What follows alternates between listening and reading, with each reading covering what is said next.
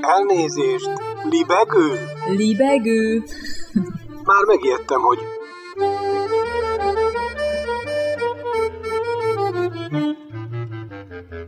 Üdvözlöm Önöket! Ez itt a Libegő újabb szellemröptető műsora. Balázs Attila vagyok, kívánok jó szórakozást!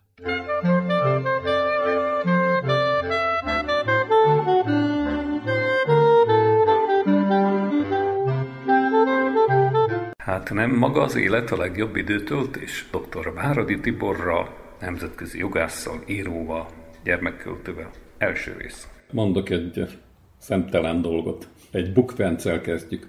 Magyar Kanizsán hallottam kocsmában azt az eredet mítoszt, amely szerint ugye arra a tájra, vajdaságunkra valamikor a Tisza hozta az embereket.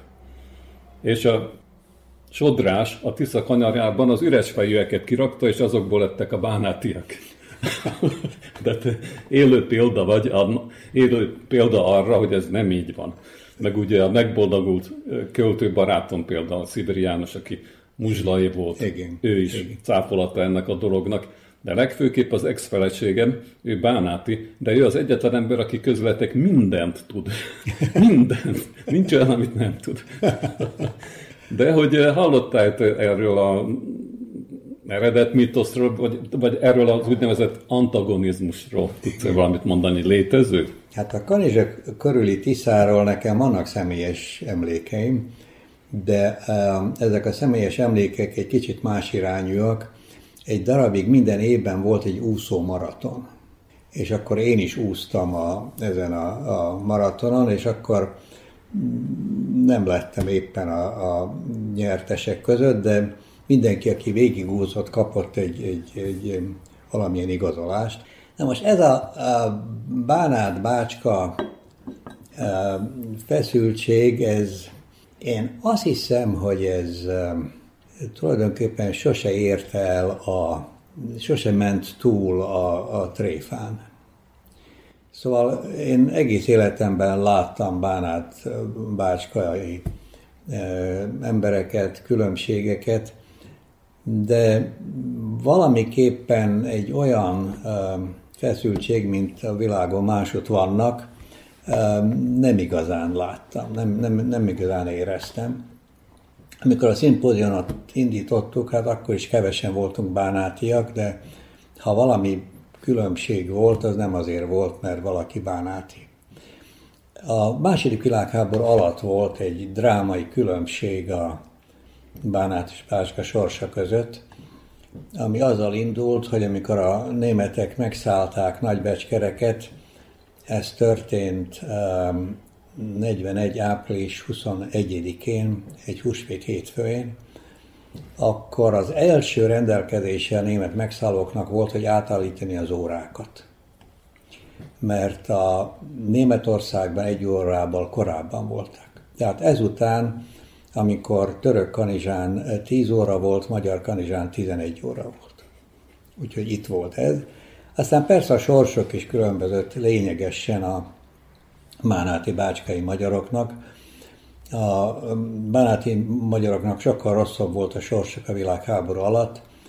Nagyapám például följegyzi, hogy a helyi németek azok vehettek havonta 20 kiló lisztet, a helyi magyarok és szerbek csak 20 dekát és minden már. Viszont a háború után, a, utána, amíg Bácskában a gyűlölet és bosszúvágy a magyarok ellen fordult, Bánátban nem. Tehát Bánátban mi a háború utáni első években voltak megtorlások, szintén esztelen, céltalan, csak azért, mert másik, de sokkal-sokkal kevesebb, mint Bácskában. Na, de visszatérve a, a poénodra, ezt én hallottam, de sose éreztem, hogy ez a tréfán túlmegy.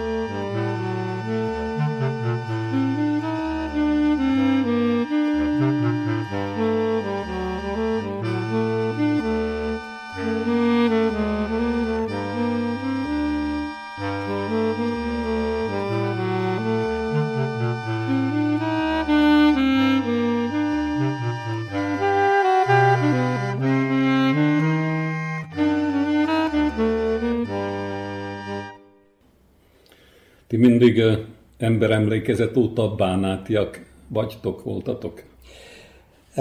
A következő a helyzet, az én nagyapám, ő jött Bánátba azzal, hogy ő Deszk környéki, Szeged környéki, és a, a, az első, a, 1848-ban akkor szabadságharcos lett, és utána szökött, és úgy szökött, hogy egy nagybátyához szökött, aki becskereki plébános volt.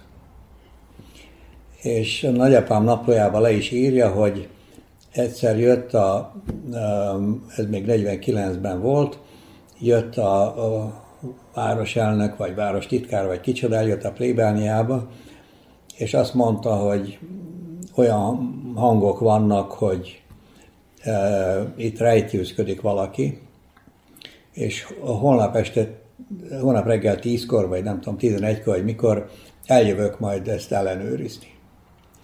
És akkor persze közben elment a nagyapám, aztán enyhültek a dolgok, és a, ő aztán szintén egy kisernő birtokra költözött valami ügyintézőnek, előbb azt hiszem, hogy Katalin falvára került, azelőtt valahol másod volt, és ott megismerkedett a déd nagyanyámmal. A déd nagyanyám az Bonyhádi volt. És 13-an voltak a családban, és ez túl sok volt. De neki egy nagybácsia már Bánátba költözött, özvegy volt, de nem volt gyereke, és akkor úgy döntöttek a családba, hogy mivel itt 13 van itt egy se, akkor egyet áthoznak és talán 16 éves volt a déd nagyanyám, amikor átköltözött, és akkor megismerkedett a déd nagyapámmal, aki deszkről. Tehát Bonyhád deszkből alakult a bánáti család, de a déd nagyszüleim óta bánátiak vagyunk. És a jogászat hogy alakult ki a családban? A jogászat az a nagyapámmal indult, a nagyapám 867-ben született, és valahogy úgy látta már iskolás korában, hogy ő jogász lesz, és akkor Pesten diplomázott, közben Triestben volt még katona, és azután jött Becskerekre, ügyvéd Bojtár volt ennél a Stasik Ferencnél, aki a Russzó társadalmi szerződését lefordított elsőként magyarra, és azután aztán a nagyapám maga nyitott irodát 1893-ban. És akkor ezt örökölte az apám, és aztán hát én is, és a szegény megboldogult öcsém is a, a jogász karriert folytattuk. De csak neked van írói vénád? Kélek szépen, um, hadd fussak végig a... Szóval voltak mások is a, a, az apámnak a naplóiban is van valamilyen kis irodalmi hang is, de irodalmi publikációknak az csak nekem volt. Ez csak nekem volt, igen, igen ez, ez valamiképpen ezt én tettem hozzá a jogássághoz. Próbáljunk visszamenni oda, ami hát irodalommal, az irodalommal függ össze, hogy mik neked az első a releváns benyomásaid, becskereki élményeid, olyasmik, amik hát az irodalmat aztán bele szivároghattak? Hát én gyerekkoromban nekem volt valami hát, lírai ikletésem, de ez akkor elsősorban a, ilyen illendőség volt. A nagyapám születésnapjára abszolút életverset írni, és akkor írtam a nagybátyám születésnapjára is, meg volt egy Pali bácsi, ő volt a legmagasabb a családban, és a fali órát azt csak ő tudta felhúzni úgy, hogy ne álljon székre. Ne kelljen felugornia. Igen. Aha. És akkor hát én írtam egy verset, és ennek emlékszem az árósoraira, akkor talán 11 éves voltam, vagy így valahogy, hogy langy tavaszi eső hújjon le a babra, kedves Pali bátyám, nőjél te is nagyra. Úgyhogy ez volt a születésnapi köszöntő, de ez, hogy is mondjam, inkább illendőség volt, és aztán gimnazista koromban hát próbáltam nem csak illendőségből írni, inkább verseket, inkább verseket. És aztán volt is bennem egy, egy ilyen kicsit határozottabb érdeklődés, valószínűleg határozottabb, mint, mint maga a tehetségem. Viszont olvastam, hogy hány magyar író tanult jogot és nagyon sok volt. Úgyhogy gondoltam, hogy nem árulom el a dolgokat, hogyha, hogyha elmegyek jogot hallgatni. De akkor úgy még föld volt bennem, hogy ez valamiféle kettős élet lehet majd, majd előbb-utóbb. De hol kezdtél közölni? Én verset egyébként nem olvastam tőle, e, tehát teljesen másképp én, én közölni kezdtem a ifjúságban, azt hiszem, és a szimpóziumban, még a szimpózium még nem volt folyarat, hanem melléklet volt. És akkor egy darabig eh, írói álnéven közöltem, Mitró Zoltán volt az álneve. Mitró Zoltán. Mitró? Mitró. Úgy értettem, hogy Mitrov. Eh, Mitró, Mitró. Mitró. Ja, hosszú óval a végén. Hogy hogy jutottam ide, látod ezt? Az Zoltán nekem mindig tetszett, és a koromban egy Kaslik nevű barátommal és Bence nevű barátommal megegyeztünk, hogyha fiaink lesznek, Zoltán lesz a nevük. Úgyhogy valami, volt valami, hogy a mitróhoz hogy jutottam, a jó ég tudja. Jó ég tudja. Tehát így kezdtem közölni inkább, inkább verseket, és aztán hát tértem inkább a próza felé. thank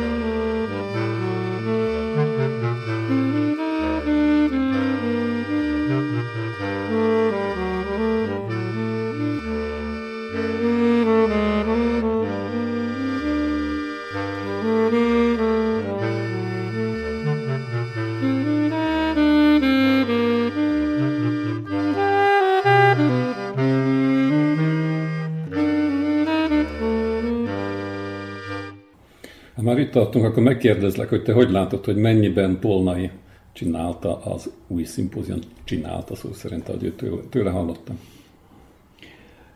Uh, nagyon komoly mértékben. Nagyon komoly mértékben. Ezt uh, akkor is tudom, volt egy idő, amikor én voltam a felelős szerkesztő, és ő volt a főszerkesztő. De akkor is úgy volt, hogy uh, hát ő olvasott el sokkal-sokkal több dolgot, és megbeszéltük a dolgokat, de ő volt a, az igaz. Na most, amikor megindult a dolog, akkor hát a bosnyák volt főszerepben, de ő elég hamar kivált. Ő nem csak, hogy voltak, akik nem voltak pártagok, de a bosnyáknál ennél rosszabb őt kidobták a pártból. Bosnyák István. Bosnyák István. Már az új nemzedékek nem nagyon igen, igen, uh, igen. tudják ezeket a neveket, tehát akkor... Tehát ő volt az első, és ő úgy lehetett az elején felelős szerkesztő, később ez enyhült. Úgy lehetett, hogy neki volt egy, ő egy hithű kommunista volt. De inkább Sinko Ervin féle kommunista, mint a Pokroinski komitét féle kommunista és ezért, mert hát sokkal inkább Marxhoz és Hinko Erhövényhez kötötte a hitét, mint a, a párbizottsághoz, ezért kidobták a pártból. És akkor egy rövid idő után már nem ő lehetett, utána már nem volt annyira föltétel a pártagság, és most már nem emlékszem egészen pontosan, de azt hiszem a bányai volt egy ideig, és a tolnai volt végig nagyon komoly szerepben, Bányai János Tolnajotto. igen, igen. Igen, úgyhogy a Bányai Jánosnak is határozottan komoly szerepe volt azzal, hogy a bányait az életében egy, egy komolyabb részt foglalt el az egyetemi tanársegítség és egyetemi karrier. Az Ottónak ez volt akkor a legfontosabb foglalkozása. Neki is volt azt hiszem a talán a rádióban, vagy hol valamilyen munkahelye, de számára ez volt a, a legfontosabb. és én is, amikor felelős szerkesztő voltam, hát én közben a, az újvidéki jogi karon építettem egy jogász karriert, Úgyhogy nekem is nagyon-nagyon szép és fontos volt a szimpózium, de az ottó volt ottan minden nap és, és állandóan. És téged milyen irodalmi mm, hatások értek, amit hát mondjuk részben az új szimpóziumban teljesítettél ki? Tehát mik azok a releváns példák, példaképek? Hát, hogy ebben a szimpóziumban ez hogy jutott, ez egy másik kérdés, de nekem a, az első nagy irodalmi élményem a Karinti volt. És a, voltak, a, volt egy jó néhány Karinti könyvünk, de utána volt egy becskereki piac, ahol régi könyveket is árultak, és ma is emlékszem, milyen fantasztikus volt egy, egy el nem olvasott Karinti könyvet találni. Úgyhogy én azt hiszem, hogy 15-17 éves koromban majdnem minden Karintit elolvastam, úgyhogy nekem ez volt. Aztán egyetemest a koromba jött a Camus. Én talán mondtam ezt neked, egy, nekem egy ilyen istalálásként jöttek a nyelvek, mert az én generációmban még becskereken a társadalomnak egy számottevő része három nyelvű volt. Tehát én az Elzanénénél németül, a Tósó bácsinál szerbül, otthon persze magyarul. Úgyhogy három nyelvet kaptam, azzal, hogy a, apámnak volt egy francia um, kliensnője, nem tudom, talán az egyedüli igazi francia volt Becskereken, nehezen tudott fizetni, és akkor ehelyett adott nekem francia órákat, 6 12 éves koromig. És mivel az apám Párizsba is tanult, neki rém francia, és olyan, hát lelkileg is fontos volt a francia, úgyhogy én 12 éves koromban már egészen jól tudtam franciául. És akkor az egyetemi éveimben egyszer a apám megszervezte, hogy egy francia um, kurtusra menjek egy nyári iskolára Besançonba, és ott fedeztem fel a Camus-t. Camus már jóval azelőtt létezett, ez azt hiszem 59-ben lehetett, vagy így valahogy, igen, 59-ben, vagy így valahogy. Tehát, de nekem akkor volt a, a a, a Camus, és akkor franciául olvastam. És akkor rögtön hoztam, és talán 960-ban, vagy még 59-ben a Becskereki Petőfibe szerveztem egy Camus bemutatót. Úgyhogy ez is um, um, um, azzal, hogy fordításban is gondolkodtam, és akkor létezett már a, a magyar fordítás, azzal, hogy nekem nem tetszett a, a kedvenc kami könyvem a, az idegen volt, L'étranger, amit az első magyar fordításban közönyként fordítottak, ami nekem inkább magyarázás volt, hogy ilyen okoskodás, hogy értem én, hogy mit gondol a Camus, hogy ő erről beszél, hogy hagyjuk ezt az olvasóra. Akkor azonban még nem volt hozzáférhető hozzám a könyv, csak egy szerfordítás volt hozzáférhető, ami egy, hatalmas hibával indult. Úgy indul a könyv, most már talán nem egész pontosan, de körülbelül hogy mama én mart, meghalt az édesanyám, és akkor elmegy a főnökhöz, és a, hogy szabadságot kérjen, és azt mondja a főnök, hogy il ne pouvait pas me refuser avec une pareille excuse. Nem tudott visszautasítani egy ilyen, ilyen kifogással. Na most az excuse-t azt szerből nem kifogásnak fordították, hanem úgy, hogy niebe maga odbiti izvinjávaju jucsise.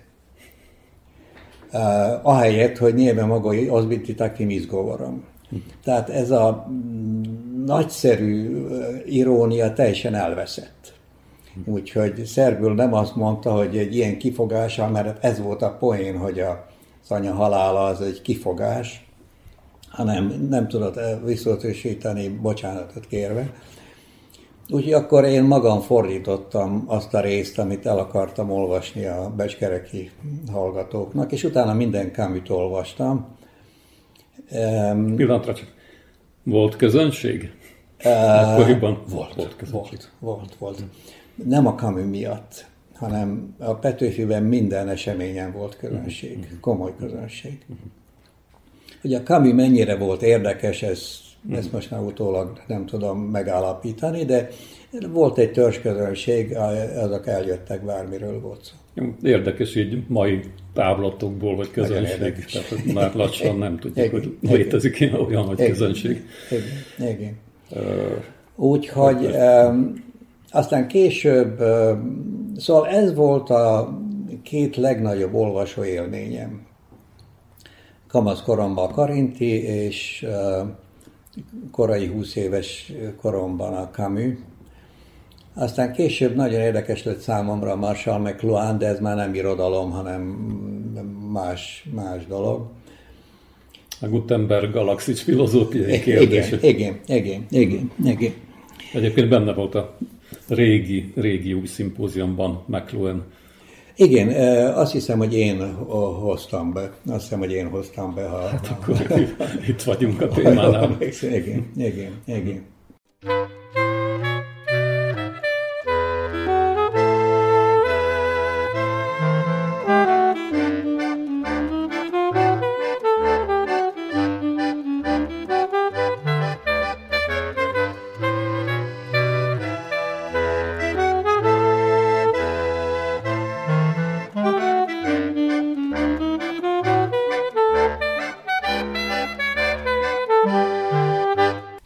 Dr. Váradi Tiborral az első részt hallották. Szajolnál.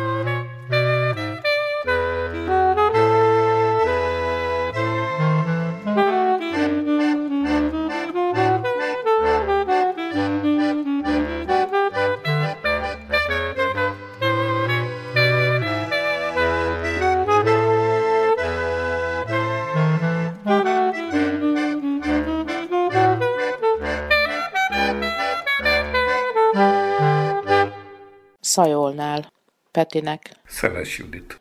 Szonettet kellett volna akkor írnom, 1994. december másodikán, amikor 16 óra 46 perckor Szajolnál kisiklott a Nyíregyháza és Budapest között közlekedő gyorsvonat második kocsia, majd a kocsik mintegy 110 km per órás sebességgel egymásba, illetve az állomás épületbe rohantak. 27-en a helyszínen vesztették életüket, négyen a kórházban haltak meg, 52-en pedig kisebb-nagyobb sérüléseket szenvedtek. Péntek volt. Nyíregyházán már teli volt a vonat főiskolásokkal, aztán Debrecenben még többen szálltak fel, sokan egyetemisták. Lehetetlen volt ülőhelyet találni, de te még éppen felfértél. A hétvégét otthon akartad tölteni Szolnokon a szüleiddel. Ugyan előzőleg nálam maradt az egész hátizsákod a fél éves szakirodalommal, de én hazacipeltem hozzánk a cuccot. Te eltűntél a restiben. Aztán felnyomtad magad a halálvonat második kocsiába.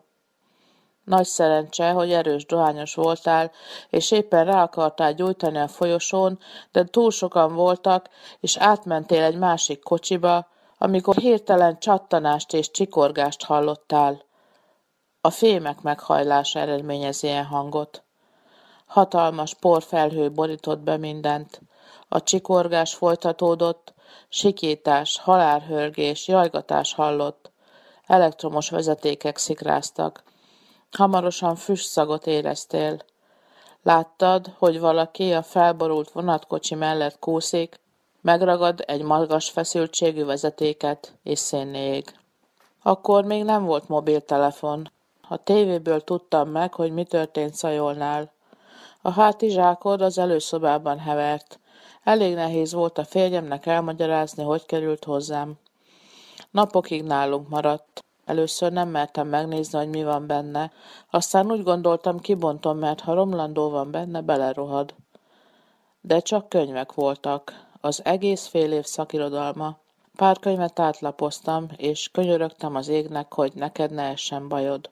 Tudtam, hogy a halálvonaton voltál. Sokáig nem lettél meg. A főiskolán hétfőn már mindenki tudta, hogy halottak, sebesültek voltak. Aztán megkerültél, és mondtam neked, a katonai hátizsákod nálunk van, gyere érte.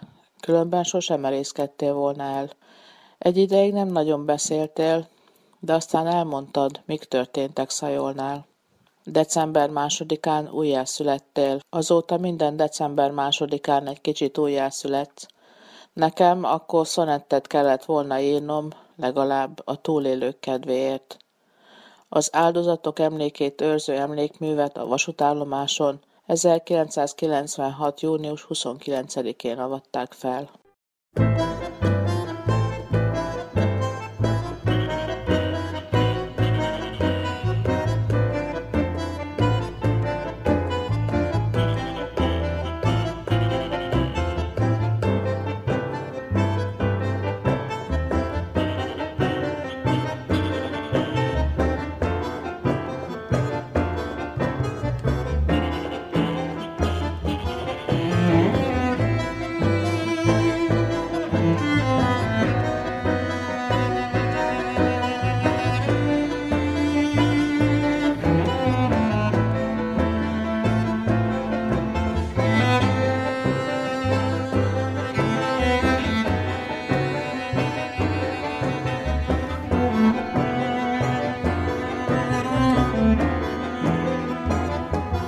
Szeles Juditot hallották.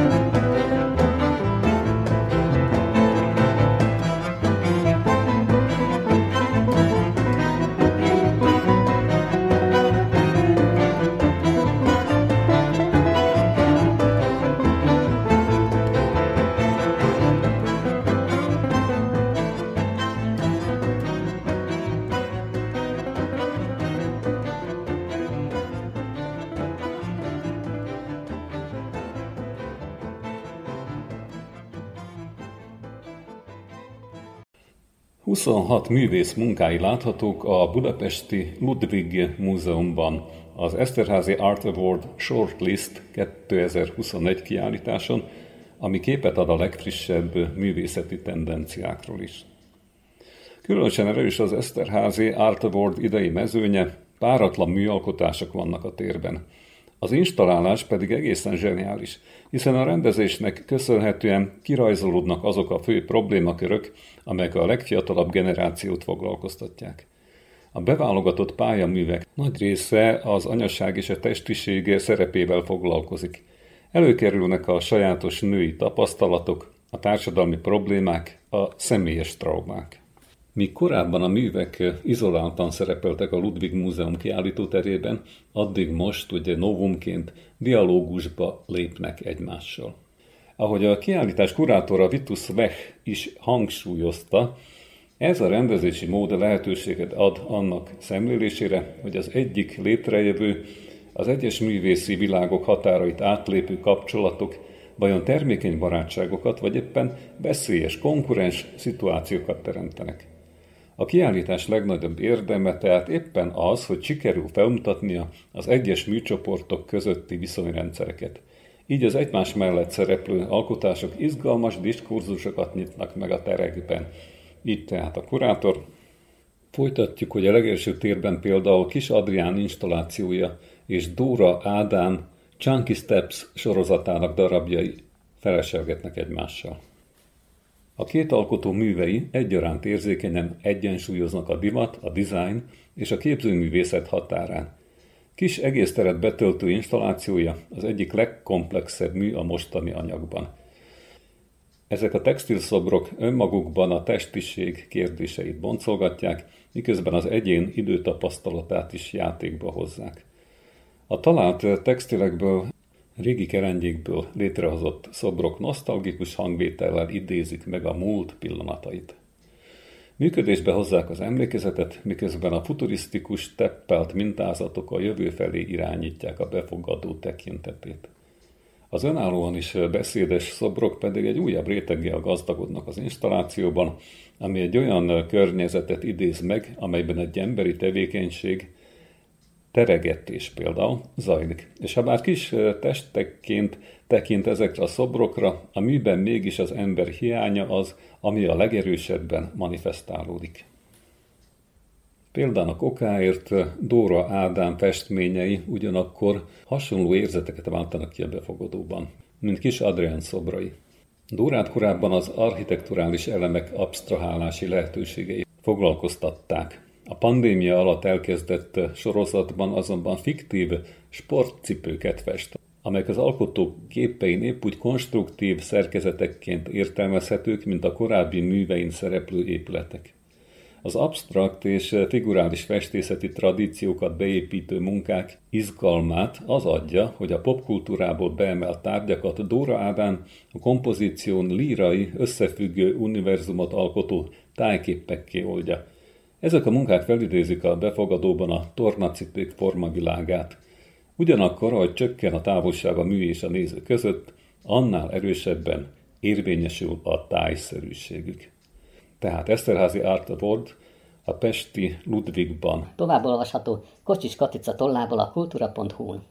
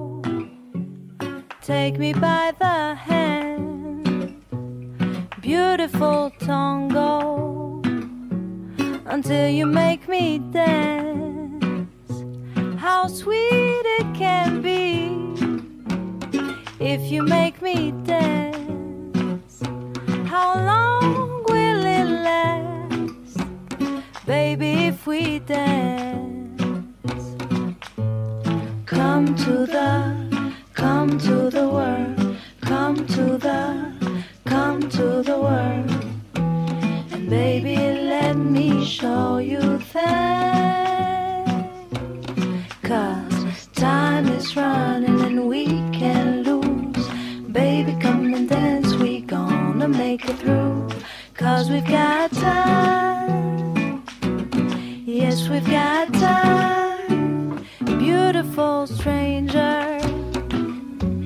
Don't wanna know your name, beautiful stranger.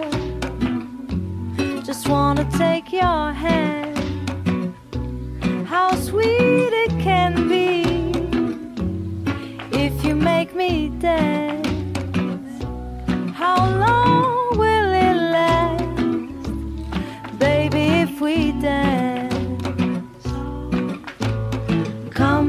the place where the skin speaks the secret words in Spanish, where the night turns out the light of day for us to show some courage.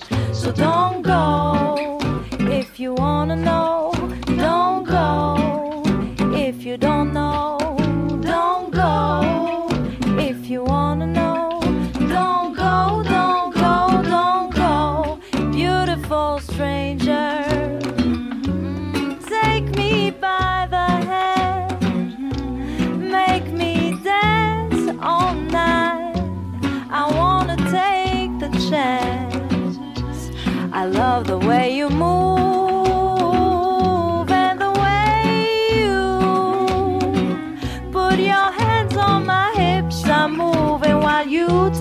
Slow. Makes me feel like I'm on a river flow. Cause we've got time.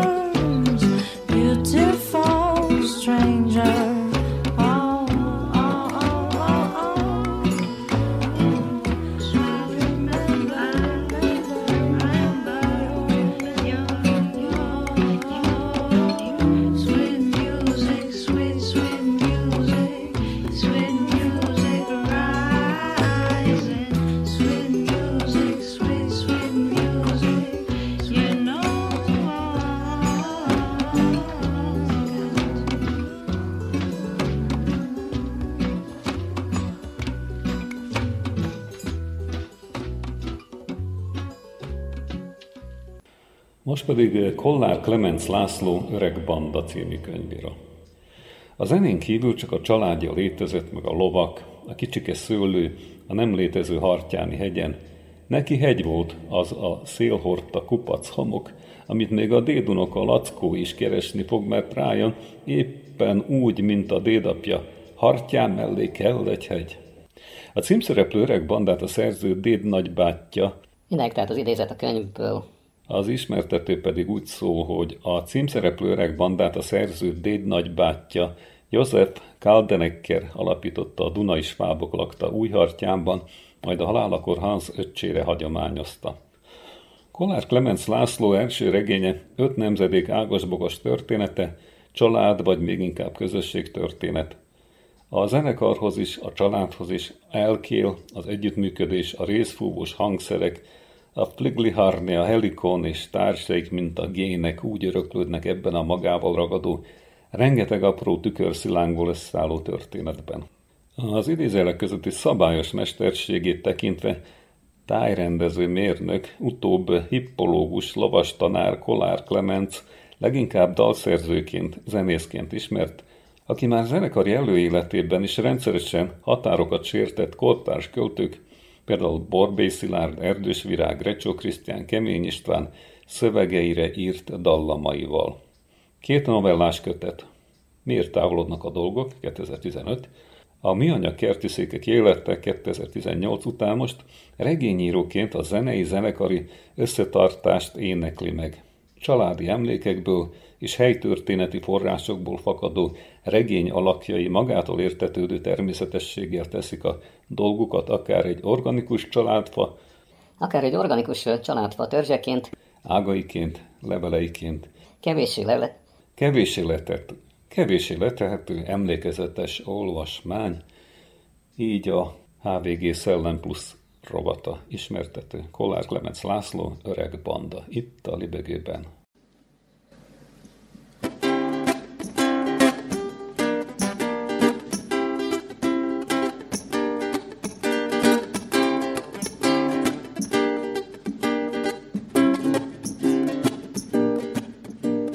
Te, tudsz vezetni, fékezni, vagy kesztyű, volna az útra dobva.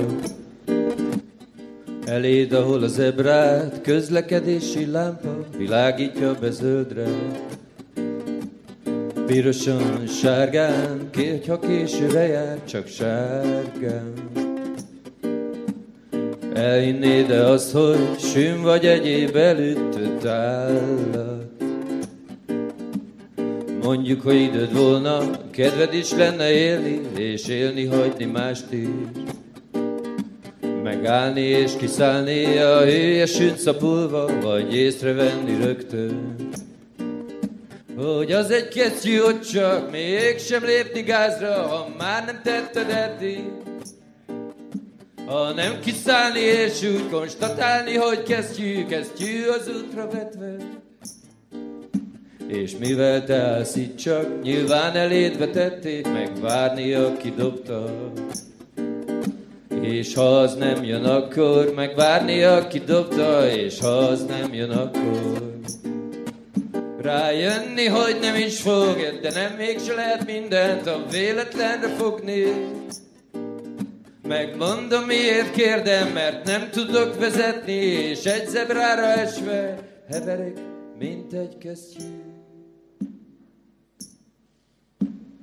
Pirosan, sárgán, zölden, ilyenkor már csak sárgán. Villódzik rám a lámpa, el is vagyok veszítve, meg is vagyok találva. Van is párom, meg nincs is, egyedül, mint az ujjam, akármelyik az ötből. Mert nem jelentek semmit, de mégsem lehet mindent a véletlenre fogni. Mert nem jelentek semmit, de mégsem lehet mindent a véletlenre fogni. Mert nem jelentek semmit, de mégsem lehet mindent a véletlenre fogni. Mert nem jelentek semmit, de mégsem lehet mindent a véletlenre fogni.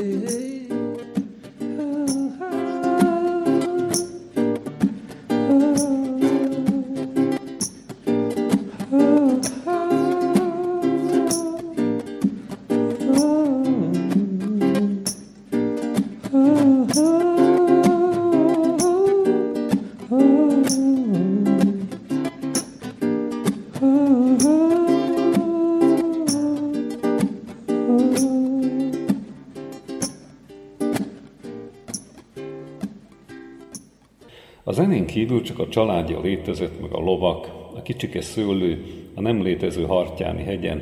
Neki hegy volt, az egy szél hordta kupac hamot, a kupac hamot, a.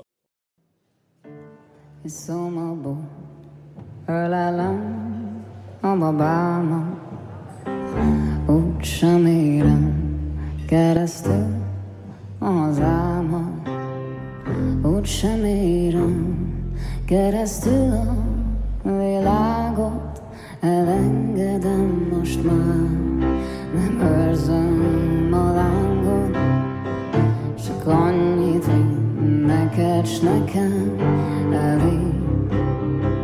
Világítsa be az erdő közepén, Arcodat láthassam, leszáll az este, és kezed teszed kezembe.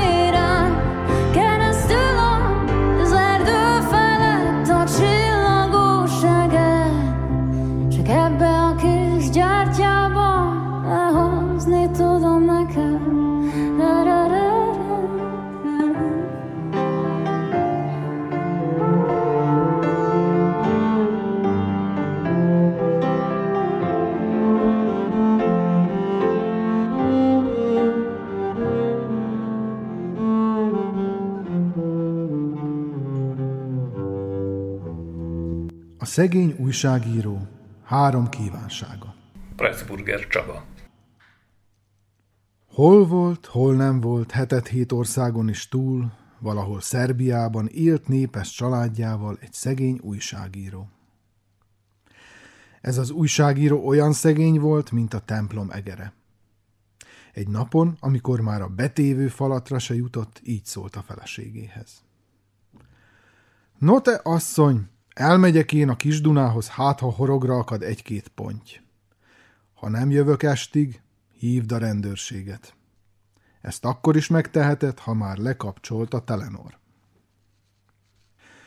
Sírt ritt az asszony, hiszen tudta jól, hogy az ura még soha egyetlen halat se fogott életében, ráadásul a hidrometeorológiai szolgálat förtelmes vihart jósolt délutánra, ami könnyen fölboríthatja az öreg ladikot, amit lomtalanításkor találtak a múltkoriában, de nem szólt egy szót sem, csak imádkozott, hogy ne történjék semmi baj az emberével.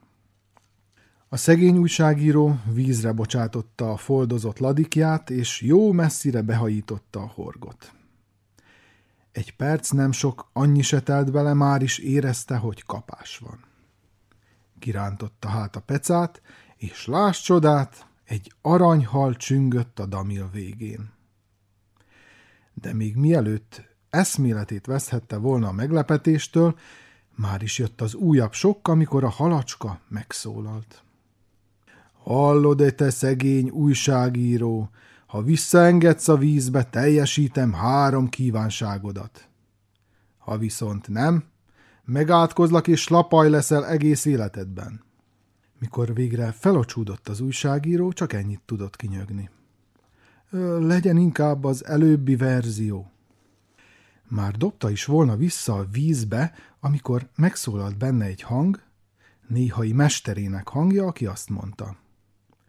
Egy vérbeli újságíró mindig kételkedjen, sose higgyen el semmit elsőre, amit mondanak neki.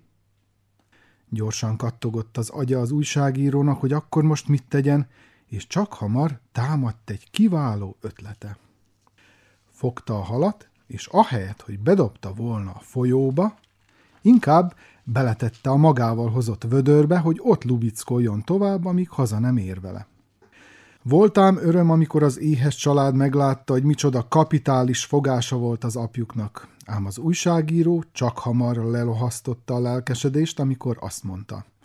Lassan a testtel, nem esszük meg ezt az állatot, mert azt mondta, hogy teljesíti három kívánságomat, amennyiben visszaengedem a vízbe. Nos, én ezt tettem, úgyhogy haluram, mondhatom-e az elsőt? Az aranyhal dúlt, fúlt, olyan dühös volt, amiért nem fogalmazott elég precízen, és a víz helyett nem folyóvizet mondott, de mit volt mit tenni, az adott szót nem szeghette meg így, röviden csak ennyit mondott. Köpjed, Mikő!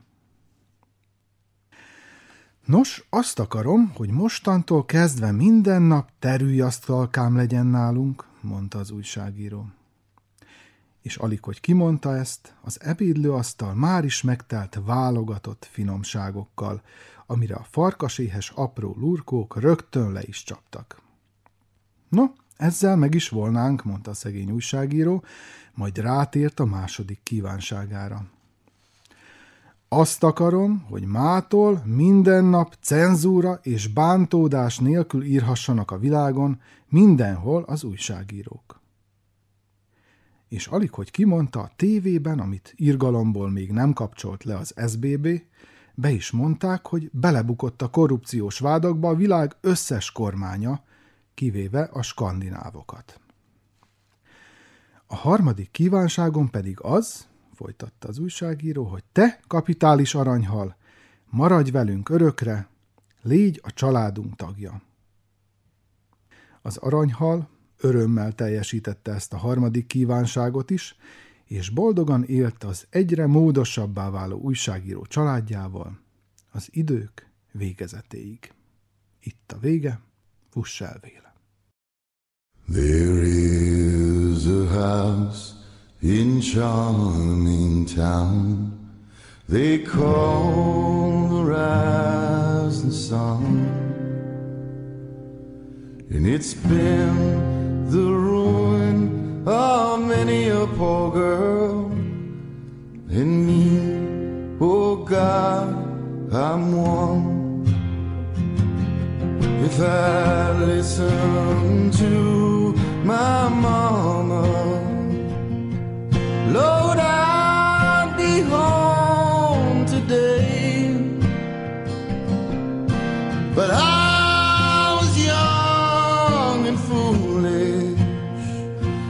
handsome rider led me astray. Go tell my baby sister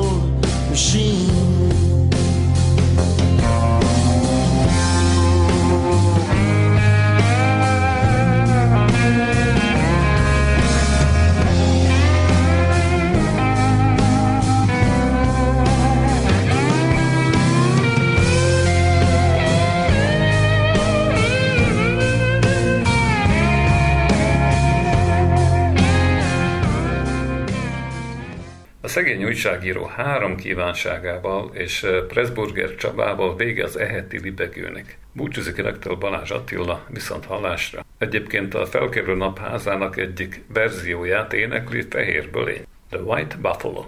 Viszont hallásra.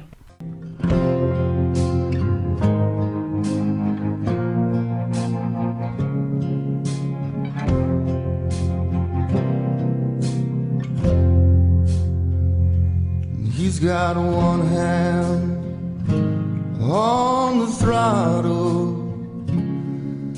the other on the brake. He's riding back to Redwood on his father's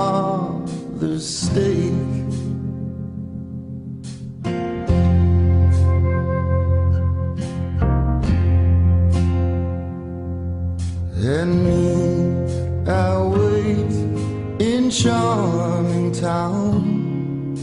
The game my love has won and I'm staying here to end my life down in the rising sun